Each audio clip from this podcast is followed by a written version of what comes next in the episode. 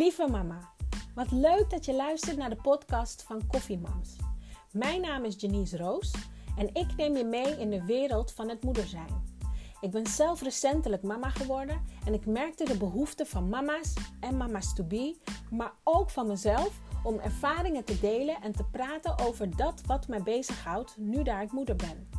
Denk hierbij aan onderwerpen zoals de bevalling, je lichaam, sporten, borstvoeding, adopteren, noem maar op. We kunnen het over alles hebben.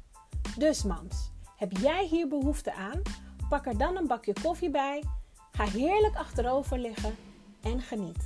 Liefs, koffiemams.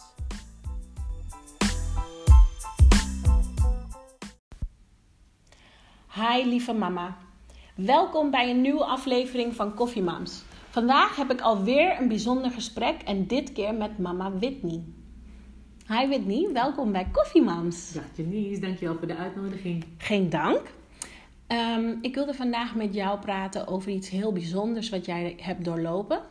Een eh, IVF-traject. Je hebt namelijk twee dochters. En de manier waarop zij verwekt zijn is heel bijzonder gegaan. Kun je mij als leek helemaal daarin meenemen, eh, meenemen? Dus kun je mij daarover vertellen hoe dat is, hoe dat is gegaan, wanneer je ermee begonnen bent? Eh, vertel me. Vertel me je verhaal als je Ja. wilt. Nou, bij ons eh, ging het zo dat wij heel ambitieus de pil hadden weggegooid. We hadden zoiets van, nou, we gaan ervoor met z'n tweeën. Mhm. En, nou ja, dan gaat er een maand voorbij en nog een maand. En je gaat heel fanatiek aan de slag. Mhm. En elke keer word je ongesteld en denk je, oh ja, dat is oké. Je gaat om je heen vragen en mensen vertellen van, hé, hey, nee, bij mij doen het zo lang, bij mij doen het zo lang. En dan weet je ook wel van, oké, ik moet even rustig aan doen. Maar ik merkte na drie maanden dat ik een beetje ongeduldig werd. De vierde maand werd ik ongesteld. En op een gegeven moment wordt ongesteld worden werd gewoon bijna een ding. Ja. En dat ik dacht, oké. En elke keer dacht ik, oh, ik voel wat, ik voel wat. Elke keer weer een test kopen en dan toch weer teleurgesteld zijn. En dat mijn vriend op een gegeven moment zei, je moet nu echt ophouden, want anders wordt het onze obsessie. Mhm. En gek genoeg heb ik nooit verder iets gedaan met temperaturen of al dat soort frats. Ik dacht altijd, nee, nee, nee, dat ga ik dan weer niet doen. Ja. En toen zijn we naar de huisarts gegaan. En de huisarts zei, ja, je moet minimaal een jaar zelf hebben geprobeerd. Ja. Voordat je überhaupt een onderzoek mag doen. Ja. En dat hebben we toen ook gedaan. In de tussentijd waren we verhuisd. En de nieuwe huisarts zag gelijk dat ik... Ik ben astmapatiënt. Oké. En die zag gelijk dat de medicatie die ik toen kreeg... helemaal niet samen kon met een kinderwens. Ja. Ja. Dus daar werd ik van afgehaald. kreeg nieuwe medicatie. En zei van... Het zijn de nieuwe huisarts zei van... Wacht even, als jullie een jaar bezig zijn... wil ik eerst even dat jullie naar het ziekenhuis gaan... om even te testen of alles goed is en dat soort dingen. Nou, hebben we gedaan. Dus je was toen al een jaar bezig? Ja, toen waren we al meer dan een jaar bezig Ja. ongeveer. En ja, eerst dachten we nog van ja, misschien komen er nieuwe medicijnen en dat soort dingetjes. Maar de huisarts, een hele fijne huisarts, zei van nou, ik wil dat jullie toch even gaan, want ik vind het toch bijzonder. Jullie zijn een jong stel. Hm. Ik was destijds, hoe oud was ik nou? Ik was 29. Mhm. En toen zei ze van nou, ik wil dat jullie toch even gaan. En toen zijn we gegaan en ze- de artsen konden niks bijzonders vinden. Want dan kijken ze bij jou En bij mijn je partner, ja. Dus dan kijken ze bij jou naar je baarmoeder. Nou, van alles eigenlijk. Dus eh, mijn cyclus werd in de gaten gehouden. Ook om te kijken hoe dik wordt mijn baarmoederslijmvlies. En eh, echt van alles eigenlijk. Komt er überhaupt wel een... eh, overleer ik wel? Hm. Al dat soort dingen. En mijn partner eigenlijk alleen, ja, hij moest zaad inleveren. Hmm. Kijken ze naar de kwaliteit van de zaad. Ze tellen aantal levende zaadcellen. Al Hmm. dat soort fratsen. En daar kwam eigenlijk niks raars uit. Niks dat ze konden vinden. Even één vraag, hè? Die baarmoederslijmvlies. Is dat eh, zeg maar wat er wordt aangemaakt zodat het kan innestelen? Oké, oké. Ja. Dan weet ik Wordt het dik genoeg? Weet Ja. je, dat soort dingen. willen Ja. Ze, eigenlijk alles willen ze weten. Oké. Nou, dus dat was allemaal heel intens. Je moet echt heel vaak naar het ziekenhuis. Want ja, ze willen alle momenten van de cyclus echt goed monitoren en Mhm. vastleggen. Mhm. En eh, nou ja, dat is inderdaad voor een partner heel makkelijk. Hij hoeft alleen een keer klaar te komen in een potje. en ja, hij is klaar. spelen. Ja, hij gewoon gezellig met zichzelf spelen. Ja. Ja. half gemarteld op een stoel. Ja, met de ene bek waarschijnlijk. Met- ja, ja. het, is, het lijkt op een hele lange staaf. En Oké. dat is een inwendige echo maken ze dan elke keer. Oh ja, ja, ja. Dus, eh, maar goed, nou ja, dat, dat ga je dan allemaal. En ja, er kwam niks naar voren. Op een gegeven moment leek ik iets van PCOS-achtige klachten te hebben. Wat is dat? Eh, dat is in ieder geval dat je dan eh, verminderd vruchtbaar bent. Dus je, je hebt wel dan dat je baarmoeder, iets met in ieder geval dat je, ik heb me nooit helemaal goed in verdiept hoor. Ja. Ik, dus heel gek, wij zijn echt een heel apart stel geweest. We hebben ons nooit echt verdiept in die dingen. Ja, Sommige ja, mensen ja. Ben expert in Nou ja, dingen. hoeft niet toch? Het kan ook gewoon op zijn natuurlijke loop Ik gaan. had zoiets van, nou ja, ik hoef het allemaal niet te weten. want Ik denk dat ik mezelf dan echt helemaal nerveus maak. Ja, Maar in ieder geval wist ik in ieder geval dat het was. Het heeft te maken dat ik minder vruchtbaar werd door bepaalde factoren. Zoals de- mijn ijsprong en dat soort dingetjes allemaal. oké. Maar het was dus nu niet echt PCOS, maar het had dezelfde vormen. Oké. Heel, heel bijzonder, ik weet niet hoe precies, maar goed. En ze hadden het vermoeden dat wij gewoon niet matchten als het ware. Mhm. Dus met mij was er niks, met hem was er niks. Waarschijnlijk met andere partners was het geen probleem geweest. Ja, Maar we matchten met elkaar niet. oké. Nou, ja, dat is balen als je elkaar wel heel erg leuk vindt. Ja, zeker. En eigenlijk met z'n tweeën voor wil gaan. Ja. Dus ehm, toen stelde ze voor om met IC te gaan. En dat is een vorm van een so- soort broertje of zusje van IVF moet je het zien. Oké. En bij IVF moet je eigenlijk het zo zien. ehm, je krijgt hormonen. Mhm. En dat loopt dan wel overeen met IC wat ik heb gehad. Oké. Je krijgt hormonen waardoor je niet één eitje in de maand maakt. Maar dat je meerdere, Meerdere. aanmaakt. Oké. Ja. Dus En het helpt met eh, meerdere rijpingen tegelijk of zo. überhaupt meer eitjes aan, naar buiten, naar, dat er meer eitjes vrijkomen. Ja, ja, ja. Eigenlijk komt er elke maand eentje vrij. Ja. En nu moesten er meerdere tegelijk komen. Ja. Nou, en daar, eh, dat moesten we doorlopen. Was dat nog in nee, dat is, dat met IVF. Is dat dan in ieder geval dat je ehm, dat ook loopt. Dus met IC is dat. Mhm. Je krijgt hormonen, je krijgt meer eitjes. Die eitjes worden eruit gehaald. Eh, je partner geeft zaad. En Mhm. eigenlijk in het laboratorium, bij IVF, leggen ze het eitje in een schaaltje en leggen ze gewoon het sperma eromheen. En moet het sperma zelf zijn werk doen. Mhm. En bij IC injecteren zij ze gelijk een, spermazaadje in het eitje. Oké. Dus dat is wel het verschil. Oké. En dat deden ze dus bij ons in ieder geval, omdat ze het vermoeden hadden dat mijn eitje en zijn zaadjes niet helemaal samenwerken. Ja. Dus dan kan je letterlijk goed in een schaaltje leggen, maar gebeurt nog niks. Ja. En dus bij ons in ieder geval, dus ehm, poging 1, want je mag in Nederland drie rondes doen via de verzekeraar. Mhm. Ronde 1, ik zit eigenlijk precies tussen twee medicaties in, Mhm. of twee doseringen als het ware. De eerste ronde was net iets te laag. Mhm. En ze zeiden al, nou ja, we gaan het gewoon proberen, want het is al allemaal heftig genoeg. Oké, ik ga een paar keer vragen stellen Ja, zodat het ik. allemaal nog het duidelijker wordt voor mij hoor. Hoor. Maakt helemaal, het is helemaal niet onduidelijk. Het is gewoon meer omdat je het niet eh, zelf hebt gedaan, moet je echt even Ja, van, even goed snappen. beeld erbij. Dus zij gaven jou een dosis met hormonen, Ja, en dat was te laag, waardoor je niet Maar- genoeg. Ik kreeg wel heel veel eitjes, Ja. maar ze waren niet van voldoende kwaliteit. Oké, dus waren niet. Ze waren niet Genoeg. heel erg levensvatbaar. In de zin van toen ze ja, het zaadje gingen inbrengen bij mijn eitje, Ja. eh, dan moet het eitje gaan delen. Oké. En het eitje moet dan minimaal vijf keer, Mm. wilt het een kans van slagen Ja. hebben. Ja, ja, ja. En ik had eentje die van vijf keer, een paar van zes en een van zeven. En voor de rest was het allemaal drie, vier. Oké. En ik had een stuk of twaalf eitjes toen. En dat was wel een aardige, een Ja. aardige oogst in principe. Ja, inderdaad. En eh, het oogst is trouwens echt vreselijk, maar goed. eh, Hoe bedoel je? Dat is in ieder geval, dat wordt met een hele lange naald gedaan samen met die Oh. inwendige echo. Dan wordt het uit jou Ja. gehaald. Ja, Doet dat pijn? heel veel pijn. Dus, en er hoort verschillende verhalen. Ik ging namelijk, ik heb nog nooit zo'n pijn gehad. Ik vond bevallen zelfs minder pijnlijk dan dat. Oké. Eh, het, voor mijn gevoel is het echt alsof iemand met, met zijn nagels, scherpe nagels aan de binnenkant van mijn baarmoeder ging krabben. Oké. Er zijn vrouwen die bijvoorbeeld daarvoor speciaal naar Duitsland gaan, want daar mag je onder narcose. Ja. Maar hier krijg je gewoon een roesje, een Oké. morfine. Ja. Maar En je voelt het nog. ik zat stijf in die, in, die, in die stoel en dan die vrouw zei, je moet echt gaan liggen. En ik dacht, Ja. ik lig toch? Ja. En ik lag blijkbaar helemaal stijf in die stoel en mijn Ja. bil omhoog en dat soort dingen. Terwijl, Ja. En echt mijn vriend hebben er toen echt doorheen geholpen, want ik raakte in zo in paniek. Ik kan best wat hebben, maar ik raakte toen zo in paniek. Hmm. Dus het oogsten vond ik het ergste eigenlijk. Oké. Dat noemen ze oogsten. Ja, dat was als Oké. het ware het oogsten als het ware. Ja. En ja, Doen daar- ze dat elke keer wanneer je een Nee, met een doet? IVF, dus met die ronde, je krijgt hormonen. Ja. Ik heb het gevoel dat ik al over de place ga trouwens. Maakt niet Nee, oké. Mom brain. ja, ja, ja. En Maar we zijn wel in één keer in het diepe gesprongen Ja, volgens inderdaad, mij. dus- Maar oké. ik was ik- aan het uitleggen wat het IVF was. Maar ja, goed, dat oké. terzijde. Dus jullie hadden het een jaar geprobeerd. Jij gebruikte astma-tabletten. die pakte, Pompjes. die, die- ja, die eh, eh, niet samen met niet met de, het kinderwens. Dus heb je dat, was dat veranderd. En vervolgens eh, gingen jullie dus het traject in. Maar Ja. gingen jullie IVF-traject in of gingen jullie... IC gelijk. We gingen IC. gelijk het IC-traject in, omdat ze toen al het vermoeden hadden dat ik, als het, ze noemen het een vijandige omgeving, heb. Ja. En dat dat dus niet samen ging. Dus dat, ze, dat ons, mijn eitje en zijn zaad een handje. Dus een zij gingen het zaadje in het eitje stoppen. Juist. En niet meer IVF is Nee. dat het zaadje eh, het eitje zelf gaat Juist. vinden. Oké, Ja. nog een keer. Wat is de afkorting? ICXI. Dus IC noem je het. Easy. Oké. Ja.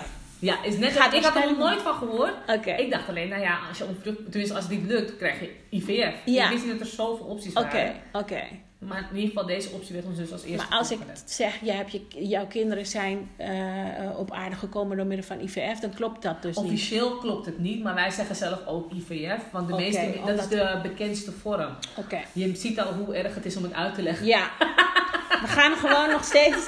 Oké, ik begrijp het. Nu, begrijp, nu ben ik helemaal Ja, bij. dus het, is, het lijkt heel erg op Ja. IVF. Het is alleen het laatste stukje is anders. Oké. Dat het dus geïnjecteerd wordt gelijk door de, door de laborant eigenlijk. Juist, oké. Dus, laborant die doet de, bevruchting. Juist. En de eerste keer had je eicelletjes, maar het was... Ja, ik ben, Ze waren in niet levensvatbaar. hebben ze me drie eitjes hebben ze bij mij teruggeplaatst. Mhm. En eh, dat is echt ook wel zenuwslopend, want je, weet niet zeker of je een terugplaatsing krijgt. Want je weet niet of het eitje uit de vriezer het overleeft. Ja, dus het Dus kan ook zijn dat je na het oogsten en dat zij hebben geprobeerd het te bevruchten, dat er niks Dat teruggeplaatst kan wordt. ook inderdaad. Het kan ook zijn dat ze bijvoorbeeld eh, dat het eitje uit de vriezer wordt gehaald en dan moet verder gaan delen, want dan weet je dat het levensvatbaar is. Hm. Maar dat hij dus niet gaat delen en dat weten ze pas.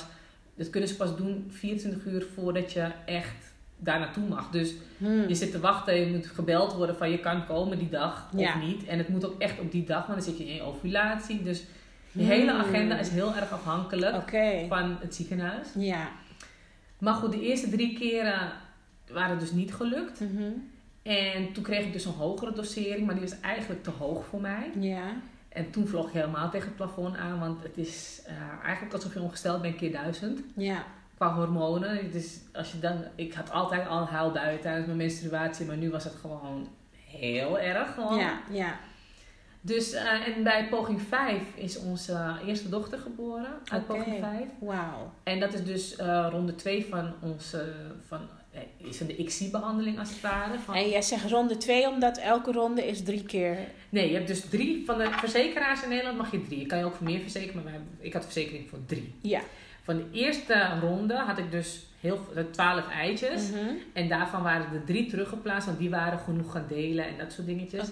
En die waren dus niet, dat is niet gelukt. Ja. En daardoor zeiden ze van, weet je, we gaan nog een ronde doen Mhm. met een hogere dosering. Waarschijnlijk krijg je dan betere kwaliteit eitjes en dat soort dingen.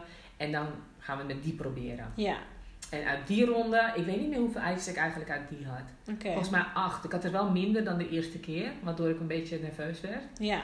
Maar die bleken dus wel beter bestand te zijn. Ja. Maar eh, die ging, die, de eerste uit die ronde, die had gepakt, maar toch ook niet. Die had weer losgelaten. Ja. Dus dan was je zwanger en Toch weer niet. toch weer niet. Ja, want je moet twee weken wachten voor een officiële bevestiging van het ziekenhuis. Want dan moet je met bloedprikken bevestigen of je zwanger bent. Met een zwangerschapstest zou ik een positieve test in Ja. handen hebben gehad. Omdat je die hormonen in je lichaam hebt. Ja. niet alleen dat. Het eitje is ook wel gaan delen. Mhm. Maar ik weet niet wat die waarde precies moet zijn. Hij moest 50 zijn, maar ik had een waarde van 8. Oké. Dus dan weet je al, die gaat er Ja. niet worden. Dus toen zeiden ze ook al, ben je ongesteld geworden? Oh, nee, dan weet je dat het niet gelukt is. Mm. Maar bij ronde 5 dus van de tweede Poging, ja. Die, eh, dus nee, eigenlijk zeg ik het verkeerd. Van ronde 2, Ja. de vijfde, eh, de, de, daarvan de poging, poging 5 in totaal. Ja. Daar is dus onze oudste dochter uitgeboren. Oké, ik ga het nog één keer vragen. Tweede ronde, vijfde poging bedoel je eigenlijk In totaal de vijfde, poging. Oké. Ja, Niet poging 2 van vijfde ronde ei- 5. uit, eitje. Ja, het is het vijfde eitje wat überhaupt in mij terug In die, oké, oké. En vanuit die ronde heb ik de tweede poging gekregen. Oké. Ja, daar is Ja, het bij gebeurd. Oké, dan begrijp ik hem. Ja. Hoe Dus- was dat? Raar. Op een gegeven moment, de eerste keer waren we er echt doodziek van dat het niet gelukt was. Want Mm. wij zijn eigenlijk hele nuchtere mensen. Alles is, ja, we zijn niet zo heel gek te krijgen snel. Ja. En we dachten, nou, dat doen we wel eventjes. En nou ja, ik hield me heel goed met de, met de medicatie en zo. En toen lukte het de eerste keer niet. Toen dacht ik, wauw, wacht even. Mm. Het kan dus ook zo zijn dat het niet gaat lukken. Ja. En dan gebeurde het nog een keer, en Ja. nog een keer. En op een gegeven moment, de eerste keer waren we er echt huilen, huilen, huilen, de hele dag samen. Ja. En de tweede keer, nou, ook nog huilen, maar iets minder. En op een gegeven moment vlakt het af. En op een gegeven moment, de laatste twee keren, ben ik echt gegaan van, nou ja, weet je, ik hoor het wel. Ja. Ik had ook niet eens meer, ik zou tegen eerst, joh, ik kan gaan werken. Ik wacht, wacht die uitslag wel in mijn eentje af, want ja. Ja. Ja. En Je, gaat, je wacht er niet meer zo op als de Nee. eerste keer. Nee, ik Ja. had echt zoiets van, ja, ik zie het wel. Hmm. Ik had me er ook een soort van bij neergelegd van, als dit niet lukt, dan mocht het niet zo zijn. Dat is ook Ja. oké. Ja. Mijn kinderwens was er wel, maar niet zo sterk. Mhm. Mijn vriendse kinderwens was vele malen groter dan die van mij. Mhm. Maar op een gegeven moment, ja, je zit erin, je gaat er wel echt Ja, voor. ja, Het is niet dat je dan op een gegeven moment zo, nou, eh, het hoeft niet. Nee. Dus dat was wel dat ik dacht, wow. En toen ineens zei die mevrouw. En ik had er niet op gerekend. Ik ging echt met mijn dode gemakje nam ik die telefoon op. Ja. Want eigenlijk moet je tussen 1 en 2 terugbellen. En om half 12 werd ik gebeld. Dat ik dacht, nou... dat was vorige keer ook. En toen belde ze om te zeggen van, vooral niet zelf een test doen. Ja. Want hij gaat positief zijn terwijl het negatief Ja. is. Ja. Dus nu had ik echt zoiets van, nou, je belt me weer om te zeggen dat ik geen test moet doen. Mhm. En toen zei ze, nee, ik wil je eventjes alvast zeggen. Ik heb de uitslag al. Ik wil je alvast zeggen, het is gelukt, het is gelukt. Dus ze was zo blij voor ons. Oh. En ik weet dat ik echt zat met die telefoon in mijn hand. Ik begon te huilen en ik was alleen, want ik had eerst naar zijn werk gestuurd. Ja. En ik denk, oh mijn god. Oh mijn god. Dus dat was heel gek. En toen nog durfde ik het niet te geloven. Ik heb eigenlijk bijna mijn hele zwangerschap elke keer tegen mijn buik gezegd en de baby gezegd, luister, als je niet komt, had ik elke keer een deadline. Ja. Doe het dan voor die tijd. Ja. Doe het dan voor die tijd. Ja. Doe het dan voor. En gelukkig mag ze echt is ze gezond en wel geboren. Ja. En de volgende dachten we, nou ja, dat duurt wel weer even. Ik ga je even Oh, pauzeren daar, maakt niet uit. Want je zegt, je had een deadline voor jezelf. Eh, en dat is misschien ook iets wat ik herken eh, uit mijn eigen zwangerschap. En die is op een, eh, op, op een natuurlijke manier ge- gebeurd. Maar ik was wel, je wordt heel erg bewust gemaakt van, eh, ehm, hoe noem je dat? Miskramen. Ja, Dus je bent eh, als mama heel bang. Want je merkt, ik heb dit niet in de hand. En eigenlijk heb je helemaal niks in het leven in de hand. Maar Klopt. als je moeder wordt, heb je dat nog veel sterker. klopt. En dat je denkt van, nou oké, oké, het is dus, ik ben zwanger, oké, het is gebeurd. En dan, ja, maar, hè, dan zegt de dokter of wie dan ook. Want mensen halen het blijkbaar in hun hoofd om over een miskraam te praten als je zwanger bent. Van, "Mm, ja, ik had een vriendin. Ja, ja, ik weet niet waarom ik nu een eh, accent erbij doe, maar... ik hou me weer echt iemand voor de geest die dat Ja, tegen dat mij zei.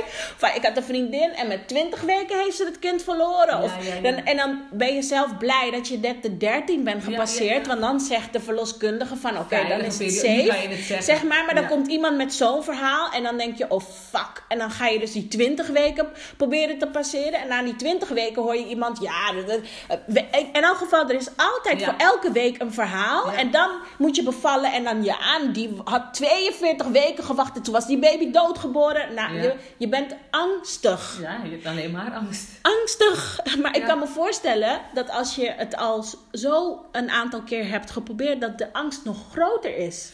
Nou, ik denk dat het eigenlijk. Ik denk dat. Ja. Ik weet niet zo goed of het groter is. Of is het.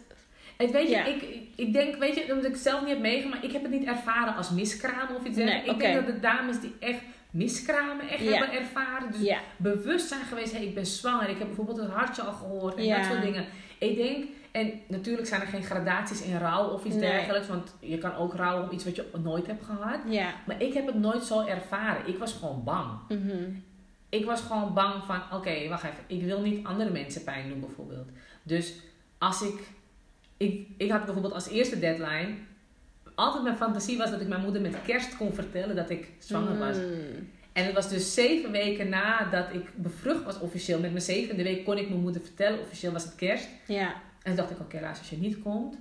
Zorg ervoor dat het is voordat ik mijn moeder zeg. Want ik wil mijn moeder niet verdrietig maken. Dus je dacht eerder aan Ja. anderen dan Ja. aan jezelf. Wauw. En toen had ik eerst met mijn moeder. En toen dacht ik, oké, nou, nu weet mijn moeder het. Oké, als je niet komt, mijn moeder is nuchter, ze kan het wel hebben en dat soort Mm. dingen, weet je. De mensen, onze inner circle, wist het al met kerst. Mhm. En toen dacht ik, oké, met twaalf weken wil ik meer mensen gaan vertellen. Als je niet komt, zorg dat ik in ieder geval niet die mensen hoef te zeggen. Ja. En oké, toen ging het dan, oké, dat weer. En dat is keer iets wat je tegen de baby, tegen Ja. de buik zei. tegen, en dan echt tegen de je. baby van luister, ik wil echt heel graag dat Ja. je komt. Maar doe het me niet aan, alsjeblieft Mm. niet. Doe het andere mensen ook niet, want je, er wordt nu al zoveel van je gehouden. En wacht, Ja. zoveel mensen wachten met smart op jou. Ik heb helemaal kippenvel. Ja, weet je, omdat we wisten ook gewoon van, kijk, wij zijn allebei hele kindvriendelijke mensen, me het zo zeggen. Wij Ja. zijn altijd bezig met kinderen, weet je, stoeien en gek doen. En, dus mensen zeggen altijd, ja, jullie geen kinderen, hoezo niet? Hoezo hebben jullie nog geen kinderen? Ja, Niet wetende dat we er al heel lang mee bezig waren en dat het maar niet lukt dan. want dan ga ik daar ook weer even tussen. Hoe is dat geweest? Heb je dit gedeeld met mensen? Uiteindelijk wel. En dat is ook op- toevallig op jouw aanraden. Want op Mhm. een gegeven moment, uh, mensen bleven het vragen. Want op een gegeven moment krijg je een leeftijd. Dat mensen zeggen nou, eh, de tijd gaat wel tikken. Dat je denkt, I know. En, Op, op mijn aanraden? Nee, jij zei toen op een gegeven moment dat ik het... Ik had het toen tegen jullie verteld. Ja. Volgens mij meiden. Oké, dames en heren, Whitney en ik kennen elkaar dus. Wij zijn hele goede vriendinnen. Ga verder, schat. Dat had ik even buiten de intro gelaten, maar nu zet ik hem erin. Ja. Dus ehm, toen zaten we met die meiden en toen had ik het tegen jullie gezegd. En toen zei je ook, maar lieve, waarom ga je er niet tegen mensen zeggen? Want je vreet jezelf nu helemaal op. Terwijl als je Hmm. tegen mensen zegt, kunnen mensen er rekening mee houden. Hmm. Mensen bedoelen het niet slecht, Mm. maar het komt wel zo binnen. Mhm. En toen dacht ik, ja, daar zeg je wat. Ja. En toen ben ik dat ook gaan doen. Neem niet weg dat sommige mensen dan nog steeds een bord voor hun Ja. kop hebben. En Ja, nog ja. steeds takloos eroverheen walsen. Terwijl Ja. je hebt gevraagd van jongens, kan je er niet naar vragen? Als we een keer nieuws hebben, Mm. hoor je het wel. En het is heel bijzonder hoe dat soort mensen het juist altijd weten te vragen op het moment dat je net weer ongesteld bent geweest. Net weer een poging mislukt is. Mm. Dat je eigenlijk heel erg steeds sterk bezig bent, je, je, bezig met jezelf sterk te houden. En dan gaat iemand weer zo'n opmerking maken van nou, het wordt wel tijd hè. Denk je niet dat ik het, dat je denkt, ik heb het toch tegen je gezegd. Heb je wel eens iemand aangevallen of aangesproken daarop? Nee, want ik wist dat ik zo agressief zou reageren Oké. Dat het heel slecht zou aflopen. Mm. dus je slikt hem in terwijl Ja. je al bezig bent. Ja, weet je, het is die hormonen, dat is geen grap. Dat, als je ziet wat daarop staat, het feit dat erop staat, let op, op het moment dat je zelfmoordgedachten hebt, neem contact op met. Zegt en heel veel over. Het zegt echt, de mentale toestand waarin je terecht kan komen, Mm. Is niemand. En ik had gelukkig een omgeving waar ik mee kon praten. En Ja. er zijn heel veel mensen die dat niet hebben, want ik heb ook in het ziekenhuis een meisje ontmoet. En haar partner wilde het maar niet accepteren. In zijn cultuur was het taboe. En wij hadden het op een gegeven moment onze inner circle verteld. Ik zeg, jongens, Ja. we zijn ermee bezig. Dus dat is wel, ik vond dat het moeilijkste eigenlijk. Mm. Mensen duidelijk maken van jongens, ik ben ermee bezig. Mm. Maar ook mensen die bijvoorbeeld grappig, weet je, een grapje in je, je zij willen prikken of zo. Niet weten dat je hele buik blauw is van al dat spuiten. Mm. Weet je, of dat je net een terugplaatsing hebt gehad en iemand kieteltje in je buik. Ja, nou, ja, dat ja. je denkt, er zit net iets in, jongens. Probeer even rustig. Maar ja, dat kan je niet zeggen, Nee. want het is nou heel, heel pril. Dus Ja, al dat soort dingen. Eigenlijk wil je met een grote hoepel om je heen lopen en zeggen, pas op, pas op, pas op. ja, ja, ja, ja. Dit is, dit is kwetsbaar. ja, Ja. Oké. ja. En eh, ehm, in het begin dat je het niet met mensen deelde, bijvoorbeeld, dat is dan voornamelijk omdat je met je partner eventjes er doorheen wil gaan. Of neem ik dat nu aan en is dat niet per se. Het is enerzijds voelt het lichtelijk als falen, terwijl je weet dat het niet is, dat het geen falen is, want je kan er niks aan doen. Waarom voelt het als falen? Omdat het een stukje is van, dit, dit zou toch gewoon moeten kunnen. We houden van elkaar. We, Hmm. we, zijn, we, zijn, we- we weten zeker dat we dit samen willen doen. We weten dat we dit kindje alles gaan geven wat er in ons zit. Dat ze de beste ouder worden, al moeten onder een brug slapen. Dit kind komt niks tekort bij wijze van. En juist dan, het is hetzelfde als je bijvoorbeeld een auto gaat kopen, zie je die auto overal rijden. Hmm. En als je zwanger probeert te worden, ga je ineens overal verhalen lezen van incompetente ouders die kinderen hebben. Ja, Kinderen die worden gedumpt in vuilnis, eh, vuilniszakken. ja. Krekhoertjes die bijvoorbeeld kinderen krijgen achter elkaar. Nee, maar dat verhaal stond, wat, dat is toevallig. eh, Dit is me namelijk heel goed bijgebleven. Hadden ze eh, destijds hadden ze het over verplichte eh, anticonceptie voor bepaalde doelgroepen. Ja, ja, ja, ja. En toevallig hadden ze het toen over één specifiek geval. En dat was een krekhoertje. En zij had een klantenkring die erop kikte omdat ze, als zij zichtbaar zwanger was.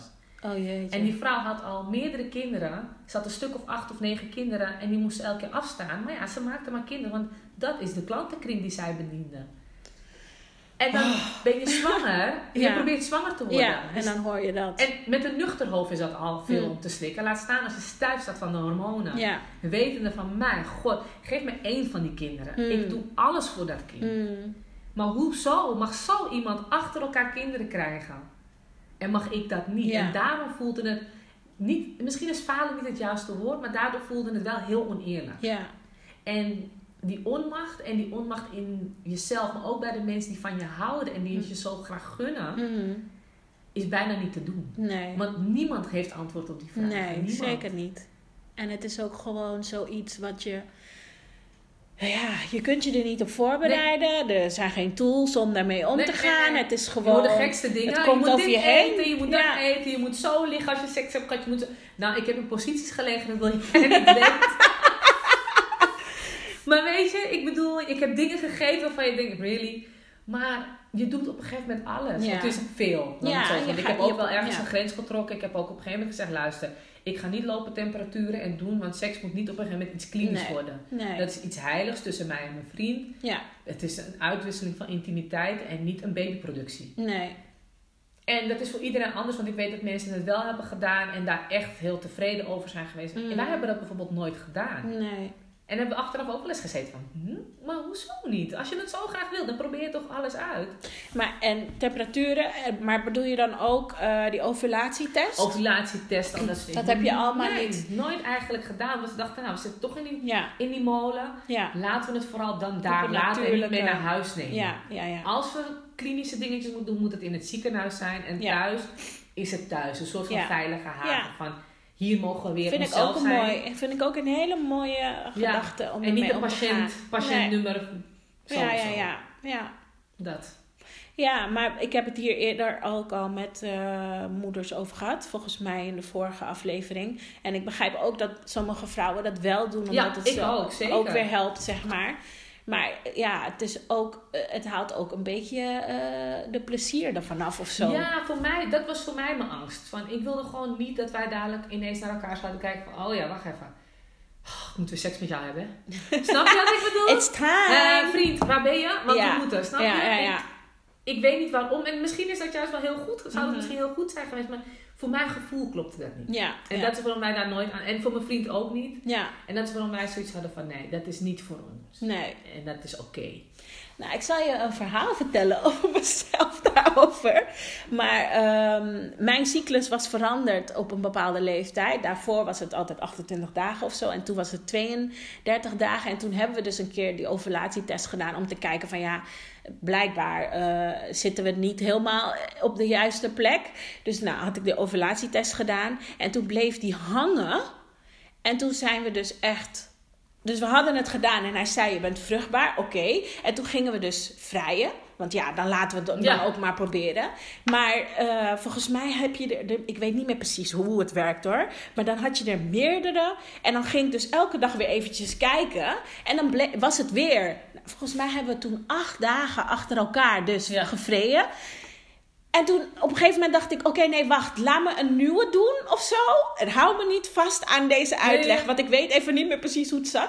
En die zei: nee, je bent niet meer vruchtbaar. En toen dacht ik: oh fuck, snap je? Dus waarschijnlijk was ik al na dag twee of zo niet Ja, meer vruchtbaar. ja. Maar omdat ik me dus zo vasthield aan die uitslag, gingen we maar door. En waren we dus op een gegeven moment echt moe. Maar ja, ik had het wel nodig om toen eventjes te weten wanneer is die ijsprong nou. Ja. Waardoor ik er dus achter kwam, oh, ik zit dus blijkbaar op 32 dagen. Ja, ja, ja. En ehm, daar, daar, daar ben ik ook zwanger van geworden. Maar we hebben het inderdaad daarvoor ook gewoon zonder gedaan. Ja. En gewoon op de natuur, een Ja, beetje ja, ja. natte vingerwerk.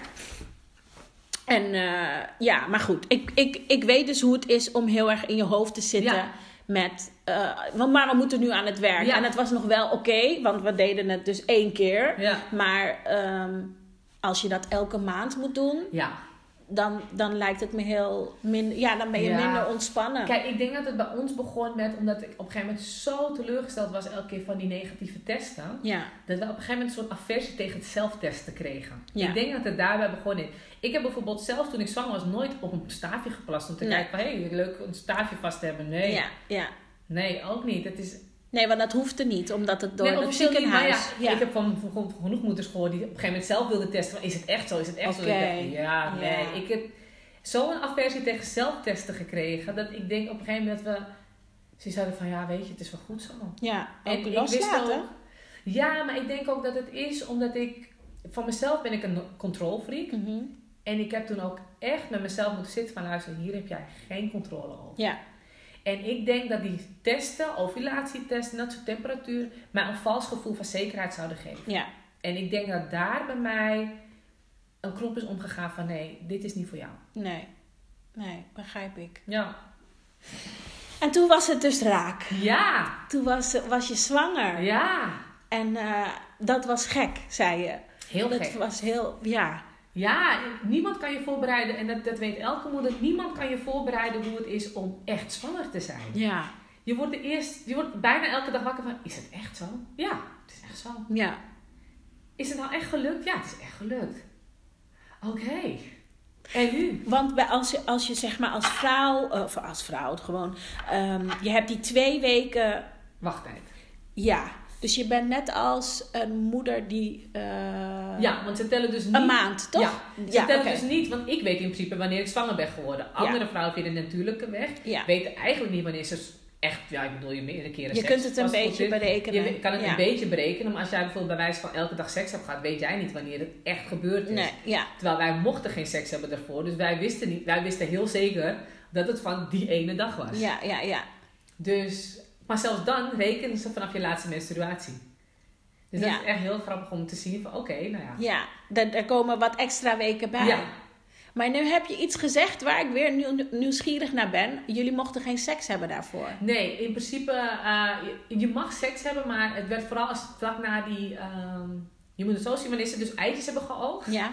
dan heb je, ben je zo rauw van binnen, je Mhm. wil niet eens seks Oké, hebben. ja. En dan moet je vrij kort daarna, ik weet even niet, meer, even niet meer hoeveel dagen nou precies daarna is, Mhm. maar dan moet je dus naar het ziekenhuis om het terug te laten plaatsen wanneer het dus allemaal gelukt is. Mhm. Geloof me, seks is het laatste waar je aan denkt. Je bent zo kapot van binnen, Ja, je wil niet eens. ja. En je, op zich kan het wel, want ik heb zelf nog een verhaal gelezen van iemand die dus wel seks heeft gehad, bevrucht is geraakt door een ander eitje wat vrij is gekomen, die ze dus niet hadden meegenomen. Ja. En eentje hebben teruggeplaatst, dus uiteindelijk een twee-eigen tweeling heeft gekregen. Wauw. Dus Het Oh. kan. weet je, het menselijk lichaam, de Ja. arts die mij toen behandeld heeft, heeft het zo mooi gezegd. Ze zei, weet je, het is Whitney, ik kan je geen garanties geven. Ik kan bij je doen wat bij andere mensen, bij heel veel andere mensen tot resultaat, een positief resultaat heeft gege- eh, gege- Gegeven. Dankjewel. Ja.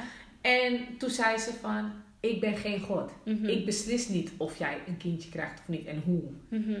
Want hoeveel mensen, heel veel mensen worden alsnog zelf ook alweer zwanger of Mhm. iets dergelijks. Dus Ja. je weet het niet. Want ik las ergens dat er volgens mij 50% van de, eh, van de stellen die eh, dit doen, dat het slaagt. Dus er is geen 100% kans van slagen. Het kan zijn Ik heb het gevraagd. Ik zei, dat dat is eigenlijk waarom ze dat toen als antwoord gaf. Want ik vroeg er, oké, als we dit traject ingaan, wat Ja. is onze slagingskans? Ja, Ze zegt, dat kan ik je niet zeggen. Ze zegt, Nee. want ik kan je nu zeggen 50%, dan ga Ja. jij je vasthouden aan 50%. ja. Ik kan zeggen 90%, hou jij je vast aan die 90%. Hmm. Het is niet eerlijk. Ze zegt, want op het moment dat ik je een percentage nu ga geven en het lukt niet, Mhm. ga je jezelf nog rotter voelen. Ze zegt, ik kan je geen garanties geven. Oké. En daardoor kwam ze dus met dat antwoord, ik kan bij, je, ik kan bij jou doen Ja, wat bij andere mensen tot, bij heel veel andere mensen tot resultaat heeft geleid, maar bij andere mensen ook niet. ja. En dat vond ik wel heel eerlijk en dat kon ik heel erg waarderen. Want ik weet inderdaad, als zij me een percentage had gegeven, had ik me daar echt Ja, aan vastgehouden. vastgehouden. Ja. En word je daarna ook begeleid? Als je dus uiteindelijk zwanger bent, Nee. word, je dan, word je dan gewoon Je hebt- weer als een normale zwangerschap, ga je dan door het Ja. traject? Of oké, Ja, dus geen krijgt extra dus wel, controle. Nou ja, je hebt wel dan eh, met acht weken een controle inderdaad. Kijken of er inderdaad een hartslag is en dat soort dingetjes. Mhm. Maar Ja, dat is ook gewoon bij, Dat is eh, bij iedereen. Dus ja. ehm, voor de rest ga je gewoon verder. Oké, Je wordt ine- niet ineens medisch of iets Oké, dergelijks. Dus eh, nee, dat dan verder niet. ja. Maar eh, qua begeleiding bieden ze wel psychische hulp aan. Omdat heel veel stellen dit niet overleven. Mhm. Want het is de eerste keer voor ons bijvoorbeeld geweest... dat wij zo'n afstand in onze relatie gevoeld hebben. Want je gaat er samen doorheen, maar toch ook niet. Ja, Want mijn vriend had bijvoorbeeld... Ja, maar jij moet elke keer spuiten. En hij vond het vreselijk. Terwijl ik had zoiets van, geef die naald hier, ram het maar in en dan gaan we weer verder. Ja, om die hormonen weer Ja, in dus, en hij zei oeh, ik wil je niet prikken. Want ik had zoiets van, nou, als je wil prikken, mag je prikken. Het Ja. was op een gegeven moment ook een dingetje. Mijn moeder heeft bijvoorbeeld geprikt. Weet je, mensen hebben, meegeholpen als het ja, ja, ware. ja. Terwijl, Dat is heel mooi. En dan Ja, deel je het dan ook. deel je het zo Ja. van, je maakt het ook tastbaar voor Ja, mensen. ja. En omdat heel veel mensen ook niet weten wat ze zelf moeten. Van ja, wat is, wat is oké? Wat mag ik? Wat mag, Ja. ik? mag ik dingen vragen? Ja, is ja, het niet pijnlijk? Of, ja. En wij zijn heel open daarin. Hoe vaak moet je spuiten trouwens? Ligt eraan. Ik had eh eerste periode, want dan heb je weer een bepaald, ik weet niet meer eens precies. Zo'n mombrain, mombrain is It's real. Alle moeders herkennen dit. Eh, eerste periode, volgens mij is het een maand lang. Eerste periode had ik één prik. En de tweede periode heb je dan een tweede prik s'avonds. Elke dag? Ja, elke dag. Oké. En een dag voor, 24 uur voor de, voordat je de eitjes gaat oogsten als het Ja. ware, heb je ook nog een keer een extra prik op een vast tijdstip. Dat is uitgerekend omdat ze op je afspraak dat ze de eitjes moeten oogsten, dat Ja. de eitjes alvast loslaten. Oké. Dus heb je dan heb je die laatste dag heb je Ah die ja. prikken. Oké. Dus dat verschilt heel erg. En het moet naast je navel of in je bil. Oké. En op een gegeven moment, ja, als je verkeerd spuit, op een gegeven moment is je buik het ook was zat. Heb je de blauwe plekken, het wordt gewoon beurs. Hmm. Ja, Oké, wauw. Ik zie het nu even voor me. Dat je dus een ge- lange naald thuis hebt. nou, het is een klein, het is, op zich valt het wel, één naald is vrij klein. Het lijkt een beetje op een diabetespen. Oké. Dat was eentje. Ja, dat is heel klein. Die was vrij klein, Ja, maar die was juist heel venijnig. oké. Terwijl die langere naald, daar had ik minder last van. Ja. Dat was die die ik elke dag moest doen. Ja, Ja, oké. En dat is dan een maand lang. ja, En dan wordt er geoogst. ja. En dan na twee weken gaan ze proberen het eitje terug te Ja, plaatsen. Oké, ja. dan heb ik nu helemaal goed. Ja, en dan krijg je eerst van de eerste ronde krijg je ook nog van die vaginale tabletten. Om te zorgen dat je baarmoederslijmvlies wat dikker wordt. Dat het ook beter vasthoudt misschien. ja. Maar ja, dat had bij mij bijvoorbeeld dus geen nut. Oké, Nou, oké, dus, het is bij mij toen niet gelukt. oké. En de andere keren daarna hoef je de ta- tabletten dan niet te gebruiken. Maar het is gewoon eh, heel raar eigenlijk. Hmm. En daarom zeg ik, tijdens mijn zwangerschap voelde ik me eigenlijk juist weer heel fijn. Want ik ben vanaf mijn zestiende eigenlijk aan de pil geweest. Mhm. Toen begon ik dus, een jaar lang heb ik toen niks gedaan. Maar ja, dan moet je lichaam het ook allemaal kwijt. Ja, En toen begonnen we met die hormonen. dus een jaar lang had je geen pil Ja, een jaar lang had ik geen hormonen of iets, whatever, Mhm. geen pil. En toen begon ik dan ineens met die hormoonkuur. Mhm, En dat heeft ook een bijna een jaar geduurd. mhm. En toen werd ik zwanger en toen werd ik ineens overladen door hele andere hormonen. Ja. Maar dat waren mijn eigen hormonen. En Ja. ik heb me toen nog nooit zo goed in mijn vel gevoeld. Oh, wauw. Ik voelde me zo goed. Ja. Ik straalde helemaal. Het was echt, mijn lichaam was ineens van... Wauw, alsof het wakker werd na een winterslaap. Ja, ja, ja. Oh, dit is fijn. Oh, maar daar kan ik dan nu als vriendin even wat over zeggen. Want ik heb nog een foto van jou en Manuela samen. En dat was gewoon de happiness. Ja. Patte ervan af. En jullie waren allebei zwanger. en dat was zo mooi om te zien. Want zelfs je neusvleugels Ja, waren een soort van gelukkig of zo. Echt, je zag gewoon, dit is, dit is hoe geluk eruit ziet. Ja, ja. klopt. Echt. Maar dat komt dus omdat je allemaal je eigen hormonen, de natuurlijke... Juist. Ja. Ik stond natuurlijk een jaar lang stijf van hormonen in een overdosis Ja, bijna. Die ja. niet van mij waren, Ja. maar wel een noodzakelijk kwaad waren. Ja. En dat is ook waarom er dus wel eh, psychologische hulp wordt aangeboden vanuit het ziekenhuis. Ja, dus van daar waren we over. Ja, ja, ja. Ik zal het even brengen.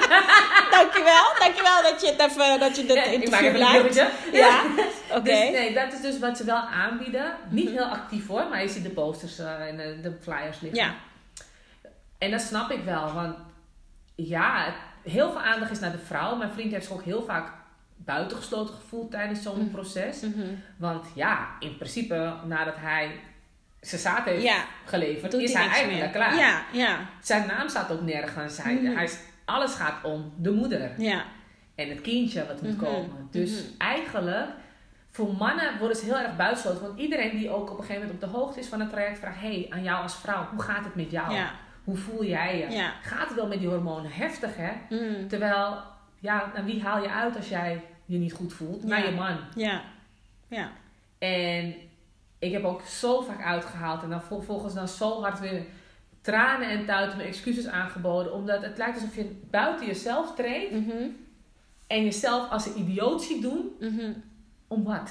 Ja, Ja, omdat je hormonen in je lichaam hebt en je weet niet wat je ermee moet eigenlijk. ja, Ja. Je moet maar een partner hebben die dat begrijpt. Ja. En die dat aan kan. Want het is niet één dag. Mhm. Ik heb een jaar lang die hormonen gehad. Ja. Als je dat jaar in, jaar, eh, de dag in, dag uit Mhm. naar je hoofd gestingen krijgt. En als vrouw zijn, je doet zo je best. Ja. Maar het is niet Ja, het doen. is buiten jouw macht bijna. Het is stel, als je ongesteld bent, heb je soms al dat je denkt... ja. Oké, dat was niet aardig. dat Nee. Maar dit was keer duizend. Dat ik af en toe kon ik echt zo'n hoofd van zo rondtrekken. Dat ik denk, jongen, even serieus. En hoe was het voor hem? Hebben jullie daar o- Ja, over ook over gehad. Heel eenzaam. Oké. Heel eenzaam. Want ja, mannen onderling gaan daar niet zitten van... Hey, Nee. Weet je, wij pakken onderling een bakje thee van... Hé hey meid, hoe gaat het? Ja. Jongens gaan... Ja, hij ging als een bezetene sporten. Ja. Want hij moest het ergens kwijt. ja, ja. En mannen gaan daar onderling, ja, weet je... Ja. Hij schaamde zich ook joh, ik kan mijn eigen vrouw niet zwanger maken. Mm. En hij zei het ook een keer van... Ja, vraag me nooit iets. Hmm. En hetgeen wat ik je wil geven, kan ik je niet geven. Ja.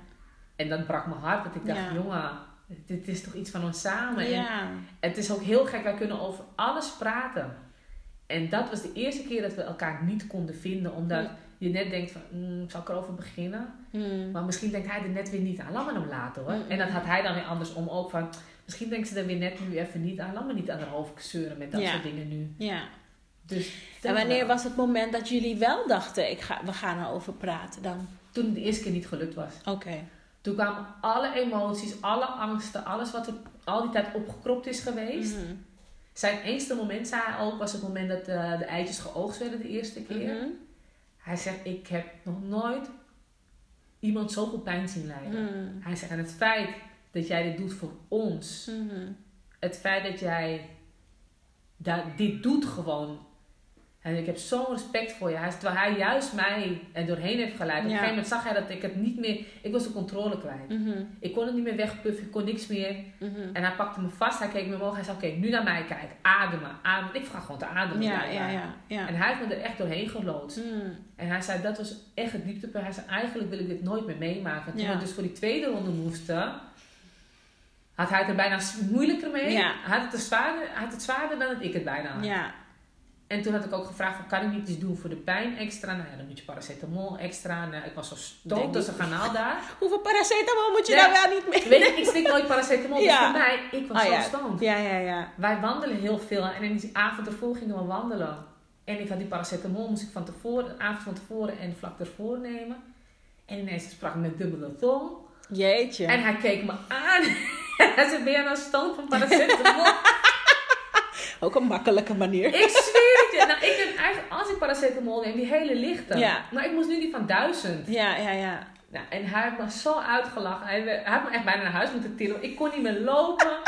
ik knak- knikte door mijn knieën. Ik sprak met dubbele tong. De maan was echt fascinerend mooi. Geweldig. en de volgende ochtend moest ik dan weer. En ik weet dat ik daar zat. En je mag daar niet mee wanneer hij... Want hij, nadat de eitjes eruit zijn gehaald, krijgt hij het in een koffertje mee. Moet hij, maar wij moesten naar de VU. Ja, Want in het vlegel werden de eitjes eruit gehaald. Daar stond ik onder behandeling. oké. En naar de VU moest hij dan gaan. Ze zaad produceren noemen ze het. En dan... Dus hij gaat met jouw eitjes Ja. in een koffertje naar VU. ziekenhuis. En dan gaat hij Moet hij in een met kamertje. zichzelf spelen. Ja, En dan gaan ze... Oké, snel. Want dat... Juist, het, moet, Ja. het moet warm zijn Ja. en het moet, Ja, het moet vers zaad zijn. En die van jou is dan ingevroren in het koffertje? Nee, of nee, nee. Het blijft gekoeld? Ja, het blijft een soort koffertje. Ik weet niet of het nou gekoeld is, maar hij moet het wel inderdaad in het eh, sigaretten... Weet je waar je die, die de stickertjes als het ware in de auto? Waar je ook je telefoon in kan opladen. Oh, ja? Dat, dat Ja, ja, Oké. Dat moet je dus dat koffertje aansluiten daarop. Ah, En dan moet hij dan... Hij heeft dan een afspraak bij de VU. ja. Dan moet hij naar een kamertje. En hij zei, ja, nou ja, je moet echt gewoon daar staan. Hij zei, als er iets niet sexy is, Nee. is dat het wel? Toen zei ik, ook, maak, maak even een filmpje van zo'n kamertje. Want ik heb zo'n smoeselig kamertje in mijn Ja, hoofd. ja. Hij zei, nee, het is gewoon echt een ziekenhuiskamer met TL-licht. En daar staat wel een tv met oude pornoblaadjes. Hij zegt, maar ja, dat wil je niet aanraken. Want ja, je bent Oh. gewoon bang dat, die, dat de blaadjes gewoon krokant zijn. Ja.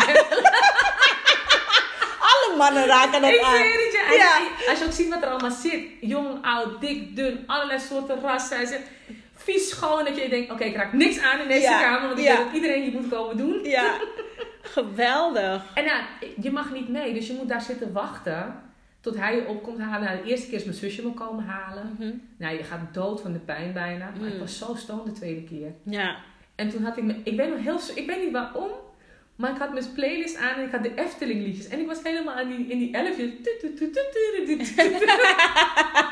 Nog steeds als ik dat hoor, Ja. triggert dat een soort, terug. een Ja. soort stoned gevoel in Ja, mijn lijf. ja. Ultieme geluk of zo. Ja. Maar dat was ook zo, want het was, dat was de badge. Dat was het moment dat het... eh, Ik was zo stoned. Ja, Ik was zo stoned. geweldig. Ja, nog steeds als ik dus die waterleden dat ding hoor. Geweldig. Ja, Oké, maar toen had je dus... eh, we gaan weer terug. Ja. Je was zwanger. Je kreeg je dochter. Alles is goed gegaan. De zwangerschap is goed gegaan. De, het verloop is gewoon Ja. normaal gegaan. De bevalling is helemaal normaal gegaan. En toen waren jullie klaar voor de tweede. Hoe ging Ja, dat? Of hoe ging toen- dat? Want ik, ik, ik vul nu dingen in. Maar ja nee, we hadden eigenlijk zoiets van, nou ja, eerste periode ik panisch. Want ik dacht, oh mijn god, ik wil niet heel snel zwanger raken. Maar het zou natuurlijk wel heel mooi zijn als het wel uit jezelf gebeurt. Ja, Dus wat gaan we doen? Wat gaan we want doen? er is dus een kans dat het weer vanuit jezelf ja, het gebeurt. kan dus gewoon. Oké. Ja, want ze weten, omdat ze bij ons niet zeker weten waar het aan ligt. Want dit is dus ook niet vanuit familie of Nee. zo iets. eh, hoe noem je dat ook alweer? Pressure of zo.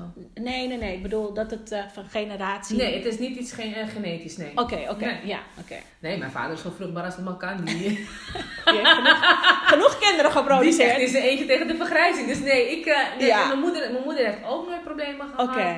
En niet dat ik weet in de familie ook. Dat is inderdaad ook gevraagd. Dus Ja. helemaal niks. Ook niet iets met SOA's gehad. Dat je denkt van, goh, weet je, chlamydia of iets dergelijks. Ja, dat is ook allemaal niet aan de hand geweest. Dus waar het aan ligt, dat weet je. Dat, Nee. Dat hoor je van heel veel stellen. Van ja, ze weten het niet. Nee. Dat is Oké. het gekke van kinderen krijgen. Mhm. Ja, jij kan vinden, dit is mijn partner. Maar je lichaam kan zeggen, nou, ik denk het niet, vriendin, dit gaan we Ja. niet doen. Nee, klopt. Heb ik eerder gehoord. Ja. Ja, heb ik eerder gehoord. Maar je wilde dus niet meteen zwanger worden? Nee, ik wil dus, maar aan de andere kant leek het toch ook wel weer grappig van, nou ja, weet je, in de eerste periode ben je natuurlijk super vruchtbaar. Ja. Het zou wel grappig zijn als het wel lukt of iets dergelijks. Nou, ja. Als je net eh, bevallen bent. Ja. Nou ja, bij ons niet dus. Mhm. Dus jullie gingen wel gewoon Ja, gingen zonder wel gewoon bescherming gewoon erin duiken. Gewoon kijken van, hey, Ja. wat gaat er gebeuren? Kunnen we dit? Ja. Maar ook met alle naïviteit van, hé, hey, we hebben net een kleintje, dit kunnen wij. Ja. Nou ja, en op een gegeven moment merk je toch dat het andere koek is met zo'n hummeltje erbij. Mhm. En dat je toch denkt, nou, die nachten zijn best heftig met één. Laat staan als er nog Mhm. één bij komt. Dus, Ja, één is heel intens. Ja, ik blijf het herhalen. Maar aan de andere kant, toch nooit iets van bescherming Oké. Heel raar. Daredevil. Maar Ik goed. zweer het je, we waren echt heel tof. We Ja. waren echt heel tof. Maar nee, dat gelukte dus niet. En toen, op een gegeven moment kom je wel op het gesprek van, goh, ehm, we wisten allebei wel dat we meerdere kinderen wilden. Ja.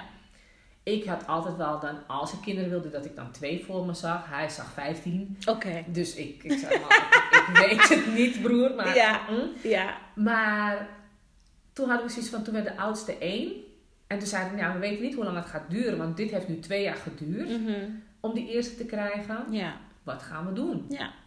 We willen niet te veel leeftijdsverschil. Toen zeiden we, nou weet je, als ze één is, gaan we er gewoon voor. En Janae is 31 juli jarig. Mhm. En in augustus, ik weet niet eens meer hoeveel augustus, maar in augustus gingen we naar de huisarts weer van, goh, we zouden nog eentje willen.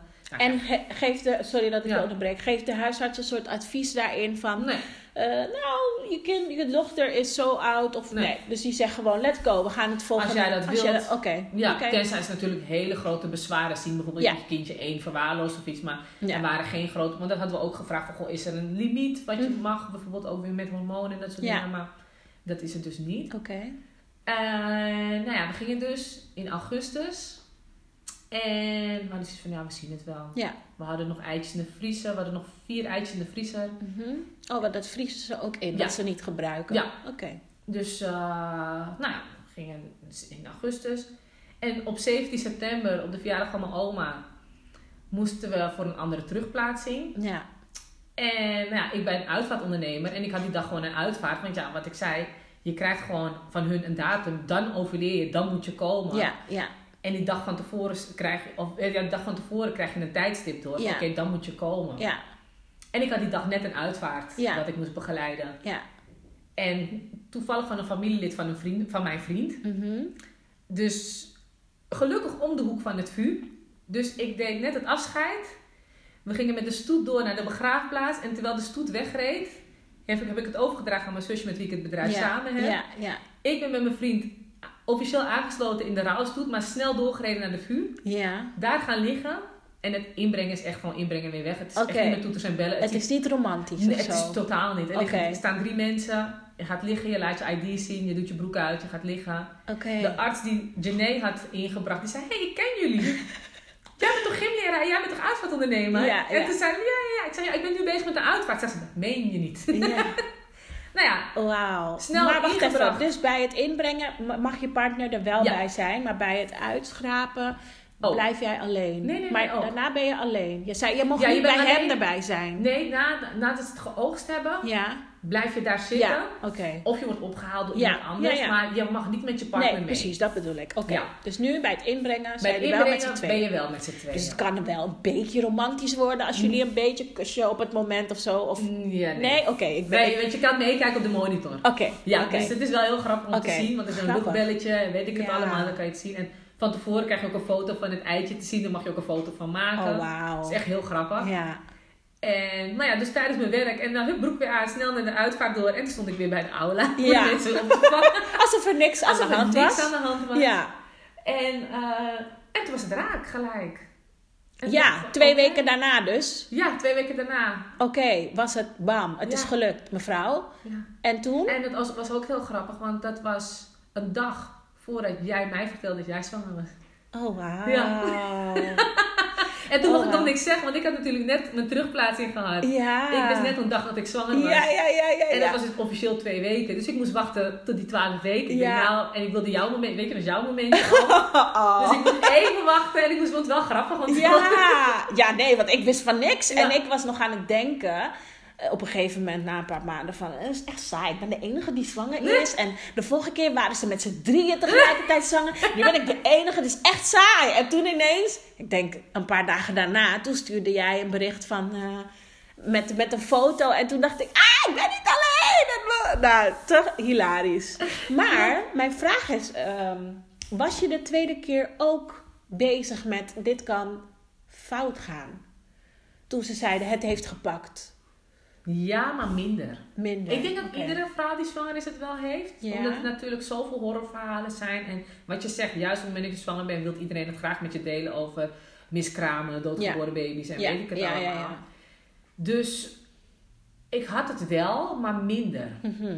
meer. Ik had meer vertrouwen in mijn lichaam dit keer, denk ik. Ja, Meer van, dit heb ik al een keer gedaan. Ik herken dingen. Ja. Ik weet, dit moet nu ongeveer nu gebeuren. Oh ja, het gebeurt. Mhm. Dus ja, minder. Voelde je het ook een beetje van, ik denk dat het nu gelukt is? Nee. Oké. Ik vond het wel heel bijzonder omdat het op mijn oma's verjaardag was. Mhm. Ja, ik oma is ook even. Je mag even heel even vertellen over jouw oma. Want het is natuurlijk heel bijzonder dat jouw bedrijf vernoemd is naar jouw oma. Klopt. En dat je oma overleden is. Ja, Ja, na, oké. haar, naar aanleiding van haar overlijden Ja. zijn we ons bedrijf gestart. En vervolgens hebben we het ook naar haar vernoemd. Ja. Dus dat ik tijdens mijn werk voor dat bedrijf Mhm. op haar verjaardag. Mhm. Ja, en het hele gekke was trouwens ook, na die uitvaart ging ik naar mijn moeder toe. En besef, ik was drie uur geleden, heb ik mijn eitje ingebracht. En Ja. we kwamen binnen, ik had was gedoucht, ik ging op de bank zitten. En Janae, dus mijn oudste, kwam naar me toe rennen. En die, ik lag op de bank en die gaf me mijn buik een kusje en zei baby. Oh jeetje. En ik keek naar Eerten, want mijn moeder en mijn zusje wisten Oh, het ik niet. heb helemaal kippenvel. Oh, mijn zusje wist het wel, want ik moest mijn zusje natuurlijk zeggen dat ik ja. weg moest tijdens ja, het ja, ja, ja.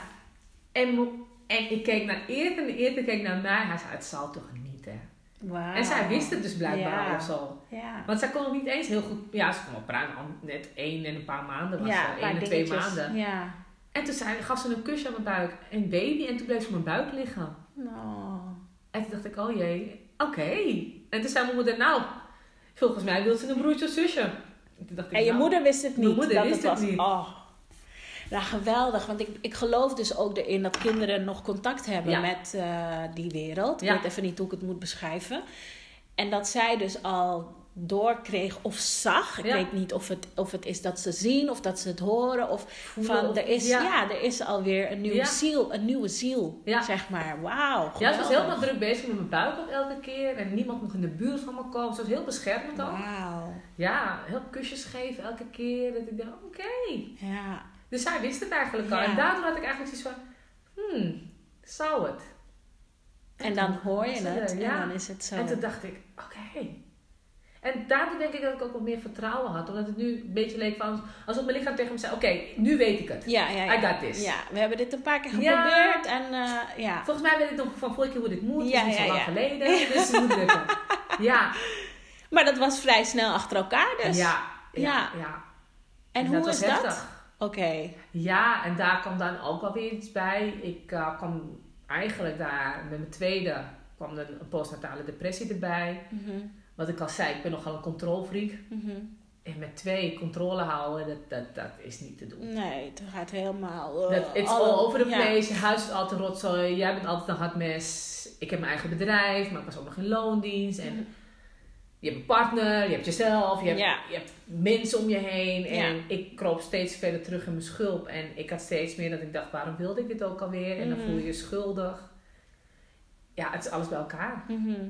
Dan voelde ik, ik voelde me zo schuldig van, ik wilde dit zo graag, maar waarom voel ik me daar niet blij? Waarom ben ik niet blij met jou? Terwijl de tweede jaar super makkelijk was met slapen en weet ik het allemaal. Terwijl Janae Nee, was, maar het ja, ligt ook nooit aan het kind. Nee, maar je denkt echt heel erg Ja. van, ja maar hoe dan? Ja, Hoezo kan ik dit ook niet? Hoezo? Ik heb op een gegeven moment ook echt wel eens naar twee babymonitoren zitten kijken. Het was allemaal aan het huilen waren. Ik dacht, ja. je kan even niet... En nu? eh, ja. Wie, wat, waar? Begin je? Ja, En dan zat ik en dan denk ik, nou ja, dan begin je met één. ja. En dan pakken we straks die andere erbij. Ja, maar dat is ook heel goed, hè? Dat moment om te ademen en gewoon... Oké, let's go. In plaats van er direct naartoe gaan en eigenlijk niet weten wat je gaat doen. En misschien maakt, wordt het dan veel erger. Maar juist gewoon even van... Oké, nou, er zijn dus twee nu Ja. op mij aan het wachten. En ik moet mezelf even herpakken. Ja, ja, ja. En denk je dat er een verband is tussen eh, de depressie en eh, het feit dat er zoveel hormonen in je lichaam zijn geweest om, om, om de eh, eitjes te rijpen? Of heeft dat geen Ik heb verband er met zelf elkaar? nooit zo over nagedacht. Mijn idee erbij eigenlijk is meer dat het universum zegt, en nu is het genoeg geweest. Oké, Ik had even een rem op mijn leven nodig. Wat is genoeg geweest? al die ballen die ik in de lucht probeer te houden. Oké, Ik, ik ben iemand die altijd controle heeft. Ik ben eigenlijk, weinig mensen kennen mij als, veel mensen kennen mij als altijd in controle. Mhm. Duidelijk, geen poespas, het is wat het is. Mhm. En ja, je groeit als mens. Mhm. Je wordt ouder, er komen kindjes bij. Je, je, je ontwikkelt je op zoveel andere manieren. Mhm. En die rol paste niet meer bij mij. Mhm. Maar ik hield het wel vast. En ik voor de buitenwereld... De oude rol. Ja, mijn oude rol. En naar de buitenwereld maar doen als I got this. Ja, Het is te doen, ik doe dit wel even. ja. Terwijl nee. En ik had een reality check nodig. Mhm. En het leven gaat eerst naar je fluisteren. Dan gaat het naar je schreeuwen. Dan krijg je een tikje. En dan gaat het steeds harder slaan. En op een gegeven moment krijg je gewoon de man met de hamer. Ja. Dan loop je gewoon keihard tegen Ja. de muur aan. En dan is het klaar. Ja. En dan eh, moet je er wat mee. En wat ik gewoon moeilijk vond, is dat het gekomen is nadat ik zo hard mijn best heb gedaan om een kindje te krijgen. En nu was ze er. Ja, En waarom ben ik dan nu zo ondankbaar? Waarom twijfel ik dan? Waarom durf ik hardop te zeggen, waarom wilden we dit? ja. Daar zat bij mij ook een stukje, ja, een stukje in wat heel erg de onzekerheid heeft gevoed. Want ja, je bent natuurlijk al ontzettend onzeker als je net een kindje hebt gekregen. Ja, wat moet je er eigenlijk mee? Ja, ja. Je krijgt een kindje gewoon mee naar huis, maar niemand die vervolgens tegen je zegt wat je ermee moet. Nee. Ja, af en toe eten geven en een schone luier en Ja. kleertjes, maar niemand Ja. zegt vervolgens wat je er nou eigenlijk echt mee moet doen. Nee, het is een hele nieuwe rol hè, wat je moet leren. En je kent kindje 1 nou wel, maar kindje 2. is heel anders. En die heeft weer hele andere behoeften. Die doet weer dingen heel anders. Dat je denkt, maar waarom doe jij dit? Ja. Je zus deed dit. Ja, ja, ja. Kan je gewoon meewerken? En terwijl, ja, het was heel meegaand juist. Maar Ja, ik keek echt naar en ik denk, moet ik eigenlijk met jou? ja, Wie, wie kan er komen halen even? Ja. Want eh, nee, dit gaat er niet worden. Ik, ik had ook echt zoiets van de eerste keer dat ik zag, dacht ik, oké, wie ben jij? Niet een soort van herkenning, maar wel een soort van, oké, hoi, ja. cool, je mag mee naar huis. Weet je, ik weet het niet, het was heel, heel apart. Een beetje eh, alsof er een afstand tussen Ja. jullie was. En ik, ik betrapte mezelf ook eigenlijk dat een van mijn eerste gedachten na de bevalling was van... Oké, hoe moet ik van jou net zoveel houden als van mijn, van Janae. Maar dat is wat elke moeder denkt, toch? Je Ja, denkt ik dat weet er niet genoeg... Of tenminste, ik heb vaker gehoord, want ik heb nog geen tweede, dus ik weet niet hoe dat is. eh, dat je denkt dat je één, niet genoeg liefde hebt, want Ja. die ene heeft al zoveel. Ja. Dus hoe ga je dat aan die andere geven? Eh, maar ook gewoon van hoe is het mogelijk Ja. dat ik dit kan verdelen, zeg Ja. maar. Ik voelde me ontzettend schuldig ook naar Janae toe. Dat Dat je, ik dacht, ja, oh, dit kind, dadelijk moet ze me delen. Dadelijk heeft ze pijn en dan moet ik eerst even een ander... ja, Ik weet dat ik op het punt stond te bevallen en ik keek naar. Ik voelde me ineens zo schuldig. Eh, eh, Totaal niet rationeel natuurlijk. ja, Maar je gevoel, wanneer je gevoel en je ratio niet samenwerken, mhm. word je gewoon gek. Je voel, ik voelde mezelf gewoon wegglijden op een gegeven moment. Hmm.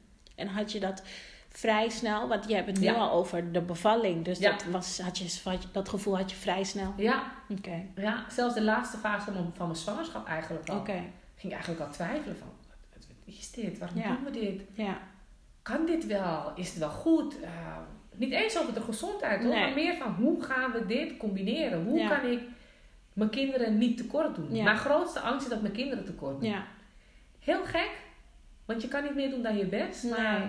En je doet het ook. Mijn Je controle bent- ja. verloor ik gewoon. En dat, dat is, want nou ja, dat was die, die, die, die, die tekentjes die ik elke keer manageerde en die ineens omhoog kwamen. Mhm. Ja, nu moet je er wat mee. Ja.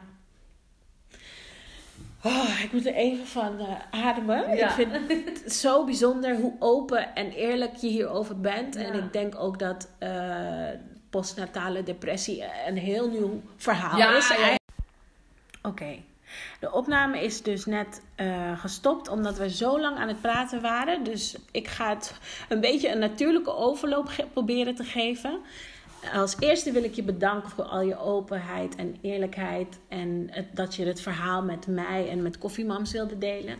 En daarnaast, geen dank, wil ik je vragen of er iets is wat je zou willen zeggen tegen moeders die eventueel door hetzelfde traject heen gaan. Of met dezelfde gevoelens of gedachten. Of een tip, iets wat je mee wil geven.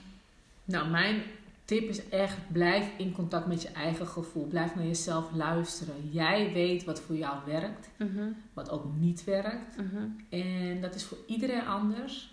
Mensen gaan het met beste bedoelingen soms tegen je zeggen, maar blijf nou alsjeblieft naar jezelf luisteren. En het is niet allemaal roze, eh, roze geur en maneschijn. Het is niet allemaal mooi. Nee. Die dagen mogen er ook zijn. Vecht er niet tegen.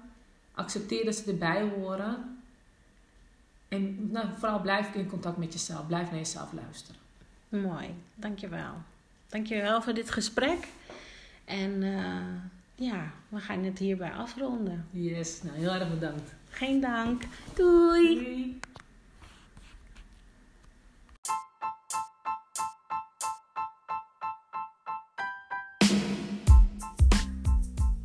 Bedankt voor het luisteren naar deze aflevering, lieve mama. Hopelijk heb je ervan genoten, was het herkenbaar of informatief. Wil je dit delen met andere moeders? Maak dan een screenshot van een specifieke aflevering en deel dit via je socials. Je kunt Koffiemams ook volgen via de Instagram pagina genaamd Koffiemams. Ontzettend bedankt en tot heel erg snel. Liefs, Koffiemams.